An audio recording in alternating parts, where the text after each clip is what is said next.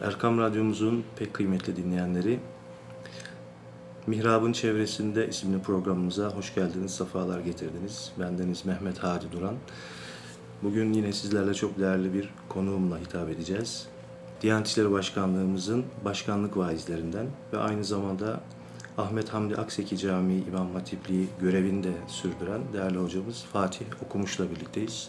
Hocam hoş geldiniz, sefalar getirdiniz. Hoş bulduk. Teşekkür ederim Hadi Hocam. Programımızın bereketlenmesi adına e, sizin güzel sesinizden bir Kur'an-ı Kerim tilavetiyle başlayalım arzu ederseniz. Hayır inşallah. Ali İmran suresi 104 ila 109. ayetleri bizlere tilavet ediyor hocamız. Sizleri İnşallah. dinliyoruz. Buyurun. İnşallah.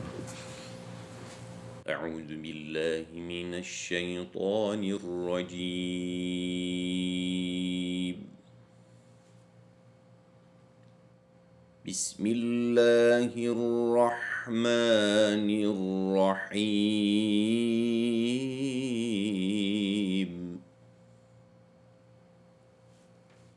ولتكن منكم أمة يدعون إلى الخير ويأمرون بالمعروف وينهون عن المنكر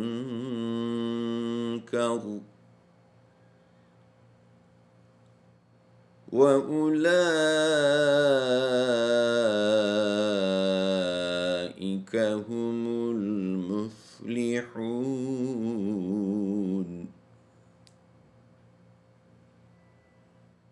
ولا تكونوا كالذين تفرقوا واختلفوا من بعد ما جاءهم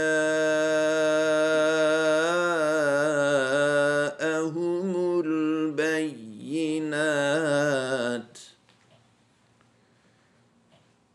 وأولئك لهم عذاب عظيم. يوم تبيض وجوه وتسود وجوه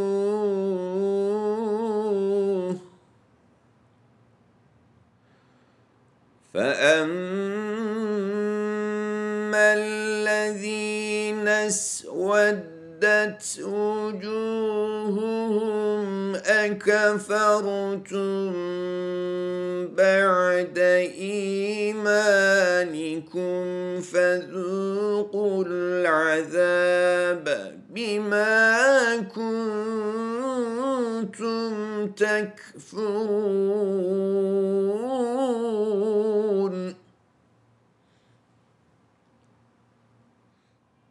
وأما الذين ابيضت وجوههم ففي رحمة الله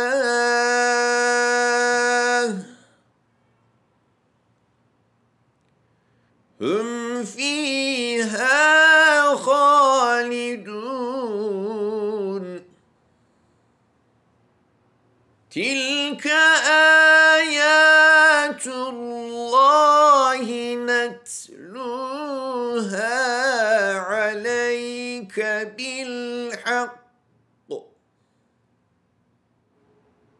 وما الله يريد ظلما للعالمين ولله ما في السماوات وما في الأرض وإلى الله ترجع الأمور.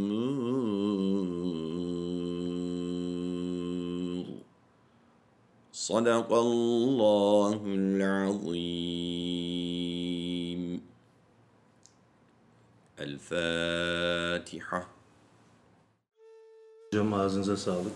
Ee, bu Kur'an-ı Kerim tilavetinden hasıl olan sevabı bütün geçmişlerimizin ruhlarına hediye olarak göndermiş olalım. Onların ruhları da şad olsun. İnşallah. Evet hocam, e, Diyanet İşleri Başkanlığı, başkanlık vaizi görevindesiniz şu anda. Ama Diyanet İşleri Başkanlığı teşkilatımızın içinde hemen hemen her kademesinde e, görev yaptınız. E, o e, görevlerinizi şöyle bir kronolojik olarak e, başlamış olsak saymaya. Hay hay. Öncelikle bizleri bu programa davet ettiğiniz için şahsınıza teşekkür ediyorum. Bizleri dinleyen kardeşlerimize de inşallah istifade etmelerini, önce kendi nefsimizin, sonra dinleyen kardeşlerimizin istifade etmeleri, farklı bir e, e, havaya girmeleri noktasında Rabbimiz bizleri nasipdar eylesin inşallah. Allah razı olsun. Yani size ulaşmak e, çok kolay değil. Siz Ankara'dasınız. E, Biz İstanbul'dayız. Ama şu anda da e, bu programın kaydını üçüncü bir mekanda Mekke-i Mükerreme'de yapıyoruz. Elhamdülillah. Bunu da, Elhamdülillah. bunu da dinleyenlerimizle paylaşmak istiyorum. Ankara'ya ulaşmanın yolu Mekke'den geçiyormuş demek. Eyvallah. evet hocam. Sizle olan dostluğumuz da yaklaşık 20 yılı geçti yani. Tabii, Neredeyse 20. 25'i geçince emeklilik oluyor mu hocam? Yok, Arkadaşlıkta. e, tababette ve diyanette emeklilik olmaz. Eyvallah. Yani doktorlar nasıl ki ömrünün sonuna kadar bu mesleği icra ederler. Aniden birisi sokakta giderken bir baygınlık geçirse e, illaki hastane değil. O anki hemen etrafta doktor ararlar. Uçakta da başıma geldi birkaç defa. Hemen anons yaparlar. Doktor var mı? Evet. Ee, ilk müdahale. Bizim din görevli mesleği de son müdahaledir. Adam ölüyordur. Sekerat halindedir. Ee, hoca var mı? Ee, işte kelime-i tevhidi telkin edecek birisi lazımdır. Yapılması gereken son vazifeyi kim yapacak? O da en güzel hocadır, imamdır, Evet. din adamıdır. Bu manada bizim mesleğimizde emeklilik olmaz. 1991 yılında sizinle tanışmıştık. Eyvallah. Ee, fakülteye intisap ettiğimiz ilk yıllarda sizin o güzel sesinizden. Marmara İlahiyat'ta müezzinliğinizi dinliyorduk, imametinizi, Kur'an-ı Kerim e, aşırılarınızı dinliyorduk. Hamdolsun. Yıllar sonra Mekke'den bir araya gelmiş olduk. Ee, Hamdolsun. Büyük bir keyif oldu bizim için de. Evet hocam, e, ila- e, ilahiyatı bitirdikten sonra e, bir Haseki Haseki'ye başladınız. Şöyle başlayalım isterseniz. Ee, bizim Diyanet İşleri Başkanlığımızın imamet vazifesi e, ben hep şuna benzetiyorum. Çobanlıktır. Yani en alt seviyedir. Evet. Ama bu çobanlık derken bu küçümsemek anlamında demiyorum. Yani işin temelidir. Evet. Olmazsa olmazıdır. Efendimiz de çobanlık yapmıştır bu manada. Yani deve çobanlığı, e, işte onları otlatmıştır vesaire. Zaten Efendimizin hadisinde de geçer çobanlık. Kullukum ra'in ve kullukum mes'ulun an ra'iyyeti. Hadis-i şerifinde hepiniz çobansınız. Hepiniz mesuliyet sahibi sahibisiniz. Bu manada imamlığı ben Diyanet hizmetlerinin en mesul noktasının merkezine oturtuyorum. Yani ciddi anlamda mihrap e, altyapısı olmayan birisi Diyanet hizmetinde başarılı olamaz. Evet. Yani eğer mihraptan geçmemişseniz, mihraba sırtınızı vermemişseniz, mihraba hakim değilseniz, kıraat yönüyle, hitabet yönüyle, bilgi yönüyle eğer ahlaki yönüyle eğer mihraba yakışmıyorsanız, mihrabı dolduramıyorsanız, Temsil etmiyor. temsil etmiyorsanız din hizmeti eksik kalır. Yapılamaz demiyorum ama eksik kalır. Sonuçta bir temsil makamıdır. Aynen. Mih- Mihrap, e, Efendimizin de temsil makamıdır. Evet. Bu manada bizim imametle tanışmamızda hamdolsun Rabbime şükrediyorum.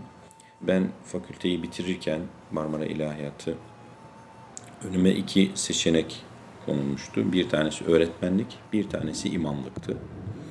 Ee, Benim geçmişte de kısa süreli bir Diyanet İşleri Başkanlığı'nın sınavını kazanmıştım. Sonra e, okul sebebiyle tekrar istifa etmiştim. Dilekçe verdim. Ben e, öğretmenliği değil de imamet yap- istedim. Yani kendi isteğimle o dönem mezun olan arkadaşlarımız öğretmen oldular. Evet. Din kültürü, ahlak bilgisi, meslek dersleri, imam hatip liselerinde. Ama ben e, tabii biraz da Kur'an-ı Kerim okuyuculuğumuz, e, hafızlığımız, e, dini ilimlere olan merakımız, ilgimiz gereği bir de yaşadığımız e, Sultanahmet'te kaldım ben öğrencilik yıllarım. E, bana sağ olsun ismini Mekke'den anmakta bir mahsur görmüyorum. E, imamlık mesleğini sevdirenlerden bir tanesi de e, kendisine saygı ve hürmet duyuyorum. Selam gönderiyorum buradan.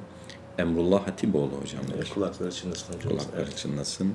Kendilerine selam ediyorum. Ellerinden öpüyorum.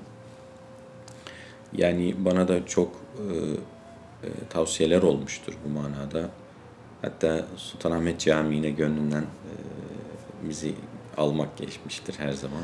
Hatta bir e, bu konuda da söylemekte bir beis yok. Bir e, yasal bir prosedüre e, takılarak sizin oradaki imametiniz herhalde bir şey olmuştu. Yanlış O, hatırlamıyorsam. tabii o işin teferruatı Rabbimin Kısmet nasip kısmet diyelim, nasip diyelim. Ama e, yani imamet her yerde olacak, her camide yapılabilecek bir e, nasip işidir diyorum. E, yani ama imameti sevmek lazım Hadi Hocam. Evet. Yani imameti sevmeyen insan imamlıkta başarılı olamaz. Dini hizmetten de başarılı olamak. Yani her şeyin başı sevgidir aslında. Yani sevgiyle iman e, hadis-i şerifini hatırlarsak Evet. e, Efendimiz öyle buyurmuyor mu? Sallallahu aleyhi ve sellem. İman etmedikçe cennete giremezsiniz. Birbirinizi sevmedikçe de iman etmiş olmazsınız. Yani bu hadisi şöyle bir e, tahlil edersek mesleği sevmek çok önemlidir. Kişinin yani cennete gireceksek eğer mesleğimizi de sevmemiz lazım. Doktor olan kişi doktorluğu sevmesi lazım. İmam olacak veya din hizmetinde çalışan birisi o mesleği sevmesi lazım. O mesleği angarya görmemesi lazım. Yani bir kenarda dursun. İşte devlet vazifesidir diye bir kenarda dursun. Bir taraftan da şunu yapayım derseniz Evet. eğer ötekisini öncelemez iseniz sıkıntı olur her zaman için. Evet. Hep hocalarımız şunu söyler. e, Mihrap çok kıymetli bir makamdır ama o kıymeti bilmeyen insanı da öteler, çarpabilir yani. Evet. O yüzden mihraba sırtını dayamış, adanmış e, Sayın Başkanımızın ifade ettiği gibi Din atanmış görevli değil, adanmış görevli olmak lazım. Görevliyi de gön, gönüllüsü olarak. Gönüllüsü, evet. olarak Adanmış din gönüllüsü olmak lazım. 96'da imameti tercih ettim ben. E, Yani öğretmen de olabiliyordum. İmameti tercih ettim. İstanbul'da bir küçük bir camide görev aldım. Seve seve bu görevi icra etmeye çalıştım. Aradan iki yıl geçti. Rabbim lütfetti. E, müftülük sınavlarını kazandık. Müftü olduk. E, Haseki kısa geçiyorum hemen. Evet. Tabii müftülüğün de çok e, güzellikleri var. Güzel hizmetler icra ediyorsunuz. Organizasyon görevi yapıyorsunuz. Kur'an Tabii kursları cami hizmetlerinin e, koordinesi, Koordinesi. Ilk, ilk başta müftülükten Tabii, başlıyor. tabii. Evet. Yani bir müftünün e, maiyetindeki din görevlilerine enerji vermesi, onları e, onlara tavsiyelerde, rehberlikte bulunması, moral aşılaması da çok önem arz ediyor. Evet. Yani din gönüllüsü morale ihtiyacı olan bir insandır. Evet. Yani eğer moral yoksa, e, bir takım kafanızda problemler varsa ben bunu yurt dışına gittiğimde yurt dışındaki cemaatimden e, insanlar şunu anlattılar. Sizden önce hocam birkaç dönem önce buraya bir hoca geldi. Kıraatı çok düzgündü. Güzel okuyordu. Ama her namazda neredeyse şaşırıyordu. Rekatları şaşırıyordu. Kur'an-ı Kerim okurken e, ayetleri şaşırıyordu. Sebebi neydi diye şöyle bir eğildim hocamızın. Bir takım aile sıkıntıları varmış. Bir takım işte müftüsüyle olan sıkıntılar varmış. Evet. Yani insanın e, bir defa kafası sağlam olacak. Evet. Salim olacak. Moral sahibi olacak. Ondan sonra o mesleği sevecek. Evet. Başarı öyle geliyor. Yoksa eğer moral olmazsa sıkıntı oluyor yani. imamet görevinde. Evet, müftülük e, vazifesiyle birlikte Haseki e, Evet, Haseki'ye geldik. Haseki kıraat bölümünü bitirdik. Hamdolsun 2001'de aşırı takribden icazet aldık. Sonra biraz İstanbul'da kaldım ben. Vaizliği de seviyorum. Vaizlik yaptık Ümraniye'de, İstanbul'un e, işte Çekmeköy'de falan. Vaizlik yaparken de e, şunu gördüm. E, ben yani Diyanet İşleri Başkanlığı'nın en güzel görevlerinden bir tanesinde vaizlik olduğuna inanıyorum. Evet. Yani din hizmetinin kitlelere ulaştırmasında. Yani birebir insanlarla e, imamet asıldır, temeldir, mihrap hizmeti. Ama vaizlik de e, kendinizi keşfetmeniz açısından, geniş kitlelere hitap etmeniz açısından, bilgi donanımına sahip olmanız açı- açısından çok önemli bir görev vaizlik.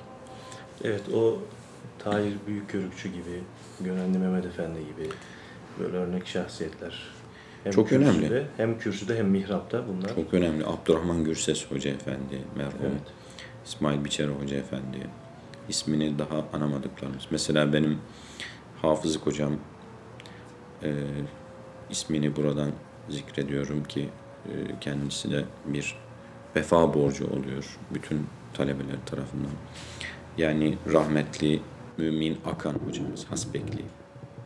Mümin Akan hocamız. Neredeydi efendim? Kayseri'de. Kayseri'de. Kayseri'de Taşyolu Kur'an kursunda. Benim babamın da hocası. E, Siz aynı zamanda hoca hoca çocuğusunuz. Evet, babam maşallah. hafızdır. Maşallah. Ee, aileden gelen bir şey var. Allah bizleri yetiştirenlerden razı olsun. Evet. e, ve adetlerimizi adetlerinizi özellikle arttırsın ki bir de Amin. şöyle de bir özelliğiniz var. Ben bunu sizin yüzünüze de söylemekte bir beis görmüyorum. Yani çok yönlü bir din görevlisi. Yani hem mihrapta e, başarılı, hem kıraatte başarılı, hem hitabette bu bu özellikleri e, bir arada barındırmakta e, kolay bir iş değil. Estağfurullah. Hâzâ min fadli Rabbi. Rabbimizin lütfudur yani bunlar bizden olan bir şey değil. Evet. Rabbimizin. Vaizlik göreviniz devam ederken daha sonra yurt dışı vazifeniz. Yok vaizlikten sonra tekrar e, bir müftülüğe daha döndük. İki Evet. buçuk yıl e, Sivas'ta Koylisar'da bir müftülük yaptık. Orada güzel hatıralarımız oldu. E, müftülük idarecilik yani koordinasyon az önce söyledik ya. E, ama müftülük e, özellikle hafız ve okuyucu, e, vaiz olan e, arkadaşların biraz maalesef eğer iyi ayarlayamazsanız körelmesine sebebiyet veriyor. Evet. Çünkü camide okumuyorsunuz. Devamlı vaaz etmiyorsunuz. İdari işler biraz yoğunluk arz ediyor. Biraz köreltiyor bazı yeteneklerinizi. Bu manada ben de dedim bir e, yurt dışı vazifesinde bulunayım. Yurt dışına gideyim. Bizim Diyanet İşleri Başkanlığı'nda da hani teşbihte hata olmasın. Her yerli futbolcu bir yabancı ülkede oynamak ister ya, Avrupa'da top koşturmak ister. Bizim Diyanet'te de bir yurt dışı özlemi vardır her zaman için. Yani bu maddi sebepleri de var ama daha ziyade bir moda haline gelmiş. Yani bir yurt dışında Bir referans oluyor. evet E, Bu şöyle de geliştiriyor herhalde. Hem yabancı dil olarak bir kere Yabancı dil koyabiliyorsunuz. ama bilgi ve görgünüz artıyor. Yani Artı tabii. Bana soruyorlar bizim e, tasih huruftaki öğrencilerimiz, imam arkadaşlarımız soruyorlar. Hocam işte yurt dışı nasıldır falan diye. Bizim diyorum ki Diyanet'te yurt dışına gidenlerle gitmeyenler bir olur mu diyorum. Yani mutlaka bir yurt dışı görmek lazım. E şimdi Ayağımızın basması açısından. Yurt dışındaki görev yapan e, Hoca Efendi de daha fazla sorumluluk ve şey var. Çünkü hem gurbette bir kere Evet. gurbettesiniz. Oradaki insanlarla bir yabancı ülkede bir faaliyette bulunuyorsunuz. Daha böyle vazifeye de siz de sağlam e, tutuyorsunuz böyle dört bir kolda. Ve artı ihtiyaçlar çok fazla orada. Şimdi oraya ben ilk gittiğim zaman e, baktım ki yani burada sadece din görevlisi değilim. Her şeyim yani burada. Hem Kur'an kursu e, açmışız orada talebeler var. Hem vaaz ediyoruz. E, gelen fetva sorularına cevap veriyoruz. Hem müftüyüz. Hem programları icra ediyoruz. Bu manada programcıyız Evet. konferanslar, seminerler veriyoruz. Organizeler yapıyor, organizatörlük görevi yapıyoruz. e, diyaloglarda bulunuyoruz. Evet, Hristiyan Pilav'ın. aile sorun olan gelir size ne bileyim. Aynen. Manevi sorun olan- rehberlik yapıyoruz Evet, yani. Her türlü rehberlik. Manevi rehberlik yapıyoruz. Ee, vatandaşın mesela aile sorunlarına e, çözüm bulmaya çalışıyoruz. Bazı ailelerde mesela ben hiç unutmam.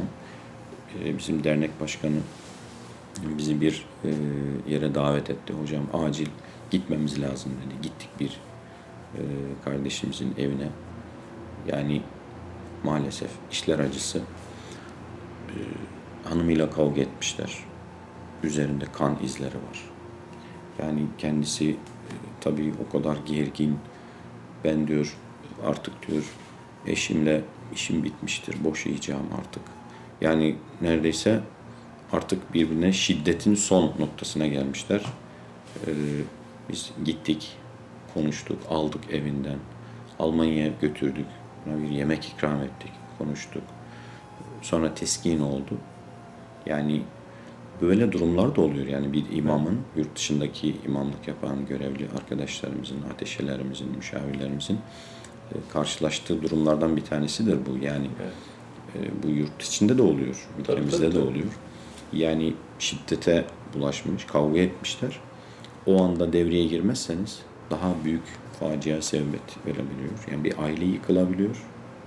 Ee, git veyahut da işte psikolojik bir buhrana sürüklenmiş insanlar. Eğer bu noktada devreye girmezseniz yani bir doktor gibi manevi rehberlik yapamazsanız insanlar maalesef sıkıntıya girebiliyorlar. Çok şeyler yaşadım yani yurt dışından e, şöyle bir konuşmak belki birkaç programa alır yani. Evet. Ama kısaca e, yani din görevlisi olarak orada her şeyi yapmaya çalıştık. Eyvallah. Yurt içinde de şu anda e, tasavvuf kurslarında kıraat derslerine devam ediyorsunuz. Evet. Üniversitede yine Kur'an-ı Kerim derslerine giriyorsunuz. Yıldırım Beyazıt e, İslam İlimler Evet. Fakültesi. Peki oradaki durumu nasıl? Öğrencilerin e, Kur'an-ı Kerim'e e, hem e, meyli diyelim hem de oku şey seviyeleri nasıl? Biraz bir düşüş e, görüyor musunuz? E, Kur'an-ı Kerim. Evet kıraat hocam noktasında. siz de e, işin içindesiniz. Yani Evet. bizim dönemlerdeki e, Kur'an eğitimiyle şu anki eğitim arasında eğitim demeyelim de e, muhatap kitle, öğretme, öğrencilerin durumuyla şu anki öğrencilerin durumu çok çok farklı. Biz hazırlıkta malumunuz Evet. hatırlarsınız. Yani biz birkaç tane sure ezberliyorduk hazırlıktayken. Şimdi biz hazırlıkta Elem Tera'dan aşağısını talim ettirmeye çalışıyoruz. Yani Evet. şey çok düştü. Bu müfredatın tekrar ilahiyatlarda gözden geçirilmesi lazım Kur'an-ı Kerim noktasında. Geçen bir sohbette e, söylemişlerdi bir yurt dışında yani özellikle Arap ülkelerinde ilahiyat fakültesi dengi okullarda Kur'an'ın üçte biri yanlış bilmiyorsam yani 200 sayfa civarında bir ezber sorumluluğu veriliyormuş. Yani bu bizde de bunu e, büyüklerimiz keşke biraz bizi sıkıştırsalar da e, böyle bir şey yapsalar. Ama ilahiyata hazır gelmiyor öğrenci. Evet. Sıkıntı burada. Yani şimdi Kur'an dersleri konuldu orta öğretime. evet. Yani Çok güzel bir şey. çok güzel bir şey ama bunu doldurmamız lazım. Evet. Yani böyle bir imkan verildi. Allah bu imkanı verenlerden razı olsun. Amin. Sebep olanlardan razı olsun. Hakikaten büyük bir alan var yani şu anda. Alan ne alan? İşte öğretici alan boşluğu var. Bu, bu manada e, Kur'an-ı Kerim'i güzel okuyan, güzel öğreten e, din görevlisi arkadaşlarımızın da takviye etmesi lazım. Yani okullardaki dersleri. İmam Hatibi veyahut da lisede e, ciddi anlamda güzel Kur'an-ı Kerim okuma seviyesine getirip ilahiyatta gerekiyorsa ezber yaptırmak. Evet. Yani bu konuda e, eğitim ilkokuldan Aynen, ilkokul ilkokuldan başlıyor. başlaması gerekiyor. Orta öğretimde, İlk lisede öğretim, evet. bu işi halledip yani ciddi yüzünü okuyabilecek seviyeye getirip ilahiyatta da e, ezber ve e, bu işin Arapça eğitim bölümünü üzerine bina etmek lazım. Kur'an-ı Kerim eğitimini zikrettikten sonra sizin mesela şu anda Ahmet Hamdi Akseki Camii'nde görev yapıyoruz. Şu anki oradaki durum nasıl? Cemaat durumunuz yeni yapıldı malum. Diyanet İşleri Başkanlığı'nın da prestij camilerinden birisi diyebiliriz. Evet. Şimdi Ahmet Hamdi Akseki Camii e, eski Diyanet İşleri Başkanlarımızdan e, Ahmet Hamdi Akseki merhumun ismi verilmiş. Büyük bir cami, modern bir mimari tarzında yapılmış. İçi çok ferah böyle. İçine girdiniz mi bilmiyorum. Evet. bir- Turkuaz renkli böyle Evet. güzel bir halı rengi var. Kubbesi mavi. Ee, hiç avize yok içinde. Sade bir cami. Cemaatimiz daha ziyade Diyanet personeli. Gündüzleri e, epey kalabalık oluyor. Ama tabii meskun mahal olmadığı için Evet. e, yatsı ve sabah namazına düşüyor. Orada birkaç görevli arkadaşımız var işte. Biz de hasbelkader Yani orada bir ekstra bir faaliyette bulunuyor. Mesela cemaate yönelik. Salı ve. Perşembe günleri ben acizane Hadislerle İs- İslam isimli eser var Diyanet İşleri Başkanlığımızın. Evet. Onu okuyorum. Yani öğle namazlarından 15 dakika önce birkaç hadis okuyorum. Çok güzel. İzahını yapıyorum. Salı, Perşembe günleri bunu yapıyoruz. Cumartesi sabahlarda tesbihat yapıyoruz. Yine tesbihatın akabinde personelimizden, başkanlığımızın işte birimlerinden, daire başkanımız, genel müdürlerimiz veya bazen biz yine bir hadis dersi yapıyoruz, hadis sohbeti yapıyoruz. Gelen cemaatimize sıcak süt ikram ediyoruz. Oo güzel. Sizleri de bekleriz İstanbul'dan inşallah. Ankara'ya bir süt içmeye gelelim. Yani süt bahane, e, tesbihat yani oradaki bir bir araya gelme şeyde de yapılıyor camilerimizde ülke satında Evet. işte İstanbul'da, Ankara'da Evet evet güzel. Değişik camilerimizde de yapılıyor. Güzel oluyor artık. güzel oluyor. Manevi lezzet alıyor. Gelen kardeşlerimiz Allah razı olsun diyor. Dua ediyorlar. Evet. Yani haftada bir kez de olsa insanlar her zaman camiye gitme şansları yok insanlar. Yani şimdi bizim o cami etrafında ev yok. Yani Evet. Şimdi ama haftada bir günde olsa bir sabah namazına metroyla veya arabasıyla geliyor. Böyle bir e, deşarj oluyor. Orada bir hadis sohbeti dinlemesi, tesbihat yapması, bir dua etmemiz hep birlikte. Yani Güzel bir hal. eli boş dön, dönmüyor. Tabii, tabii. Yani camilerimizin fonksiyonunu biraz daha e, Bu anlamda genişletmek genişlet, lazım. genişletmek lazım. Mekan olarak da değişik faaliyetlere uygun mekanlar da ilave aslında etmek lazım. Diyanet İşleri Başkanlığımızın 2014 yılı Camiler ve Din Görevlileri Haftası'nın teması geç kalma, genç gel He, konusu. Yani camiye geç kalma, genç gel. Şimdi bizim e, insanımız maalesef dini sonradan tanıyor. Dine sonradan alışıyor. Yani temelde alıştıramıyoruz yani insanlarımızı, çoluk çocuğumuzu. Ha küçükken bir camiye gidiyor her insanlar. Ama bir dönem var ki işte genç 15'i geçtikten sonra yavaş yavaş kopmalar 20, 25, 30 40'tan 50'den sonra bir ya haç yolculuğu yapacak Hani Dönüşüm. öyle, öyle bir inanış vardı. Hani gençken gitme yani biraz şey yapınca e, öyle gidersin, hacca da öyle gidersin. Yani biraz Yani. daha gençliğini yaşa gibi böyle yanlış bir inanç vardı ki. Evet. Gerçi şimdi o kırılıyor artık. Hacca da e, şimdi artık gitme imkanı da öyle eskisi gibi kolay değil. Evet. Gençken yine gidemiyor. 7-8 yıl sonra gidiyor. 7-8 yıl beklemesi icap ediyor ki o zaman da yaşlanmış oluyor. Evet. E, yani fırsat eldeyken ibadetlerle tanışmak yani, yani gençken tanışmak özellikle Efendimiz sallallahu aleyhi ve sellemin bir hadis-i şerifi var malumunuz. Neşe'e fi ibadetihi diyor ya. Evet. Hadisin bir bölümü. Ee, neşeyi ibadette bulan, huzuru ibadette bulan bir genç diyor. Ve şâbun neşe'e fi ibadet. Yani biz camiye giden bir gencimizin huzuru bulmasını arzu ediyoruz. Camiler bu manada cazibe merkezi olmalı. Yurt dışındaki e, cami örneğinden yola çıkarsak, şimdi camide geldiği zaman bilardosu var camilerin. İşte masa tenisi var, spor aktiviteleri, bilgisayar, internet vesaire. Lokalleri var. Ondan sonra sohbet odaları var, şark köşeleri var bu manada. Hatta haftada bir maç izlemeye gelen gençler Camilerin Dijitürk'ü de var.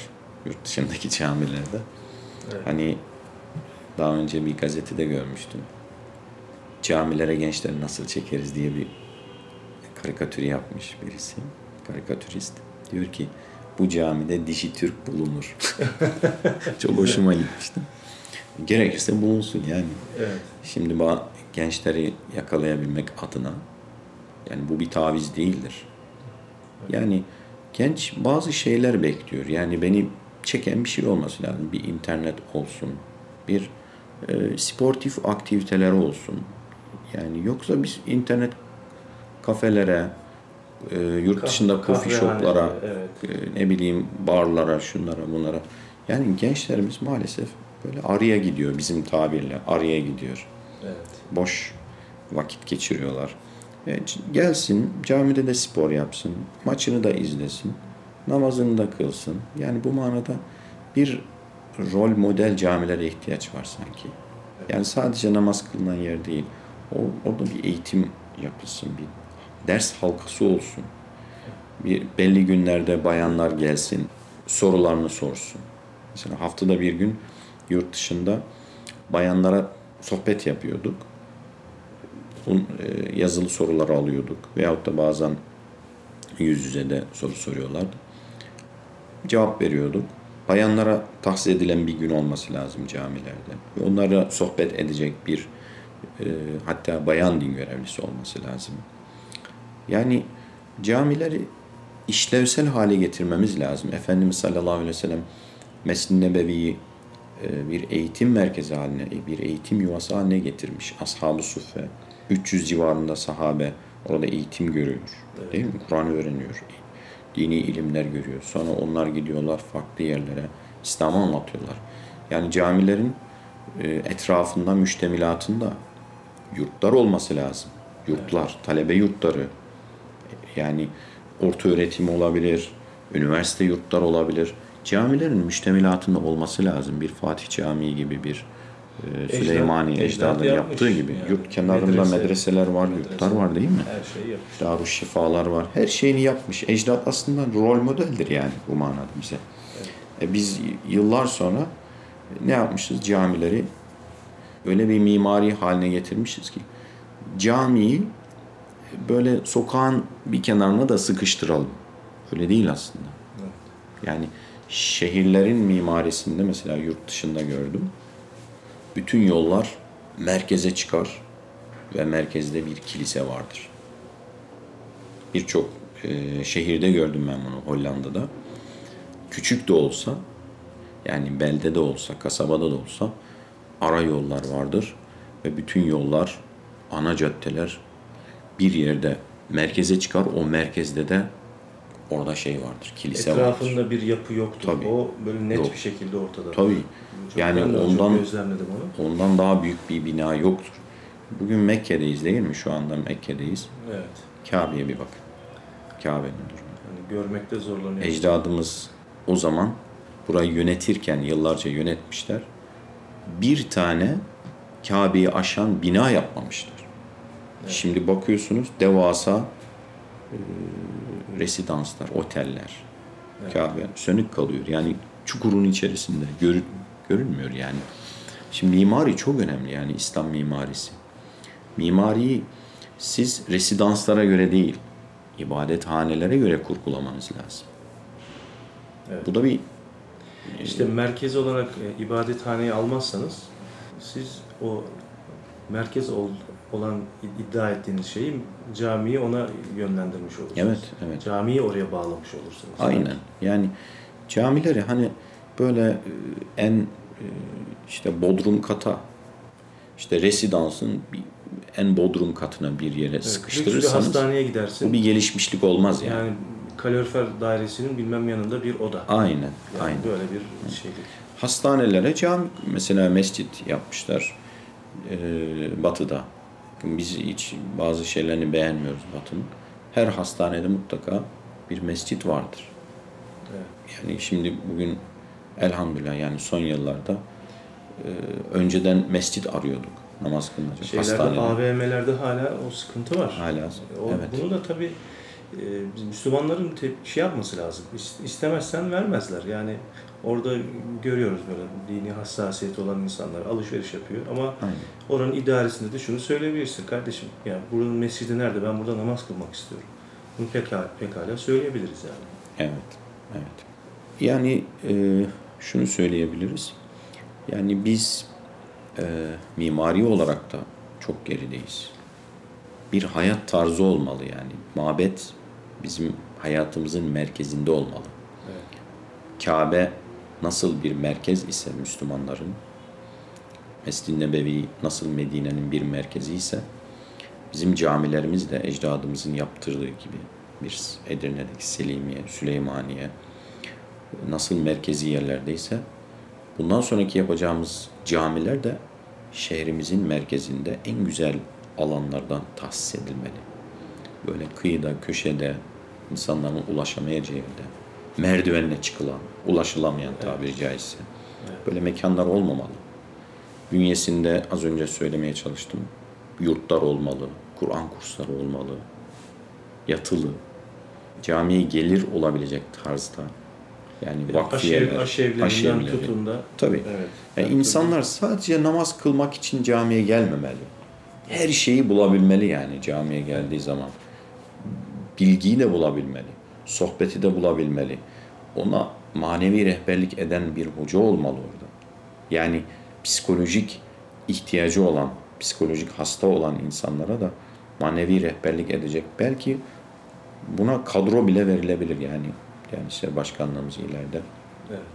derdi olan, psikolojik sorunu olanlara dini dini eğitim Ya da şöyle bir şey yapılabilir. Din görevlilerine bu konuda eğitim Eğitebilir. verilir. Tabii. Ee, bel- belli sertifikalarla e, o bilgileri dahilinde olan şey- şeyleri, birikimlerini onlar da cemaatine aktarabilir. Bu da bu da mantıklı yani. Tabii. Tabii eğit, eğitebilir. Ee, imamın din görevlisinin fonksiyonu hakikaten çok önemli. Yani bir din görevlisi deyip geçmemek lazım. Bir imam deyip geçmemek lazım. Yani imam Ben şey olarak da düşünüyorum. Önder yani demek. toplumun aynası olarak da görüyorum. Yani bazen böyle sığ eleştiriler geliyor. İşte imam şöyle, imam böyle veya imam şunu yapmış, bunu yapmış.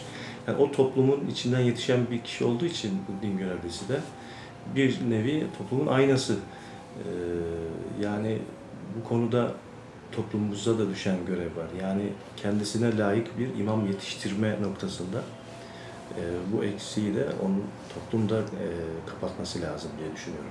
ben. Elbette. Yani şöyle de bakılmamalı tabii din görevlisine. Yani o bir nebi, evliya falan değil yani. Böyle e, ayakları yerde gezmeyen, hatasız diye bakılmamalı. Yani Evet. bir peygamber mesleğidir ama neticede insandır. Evet. Onu icra eden.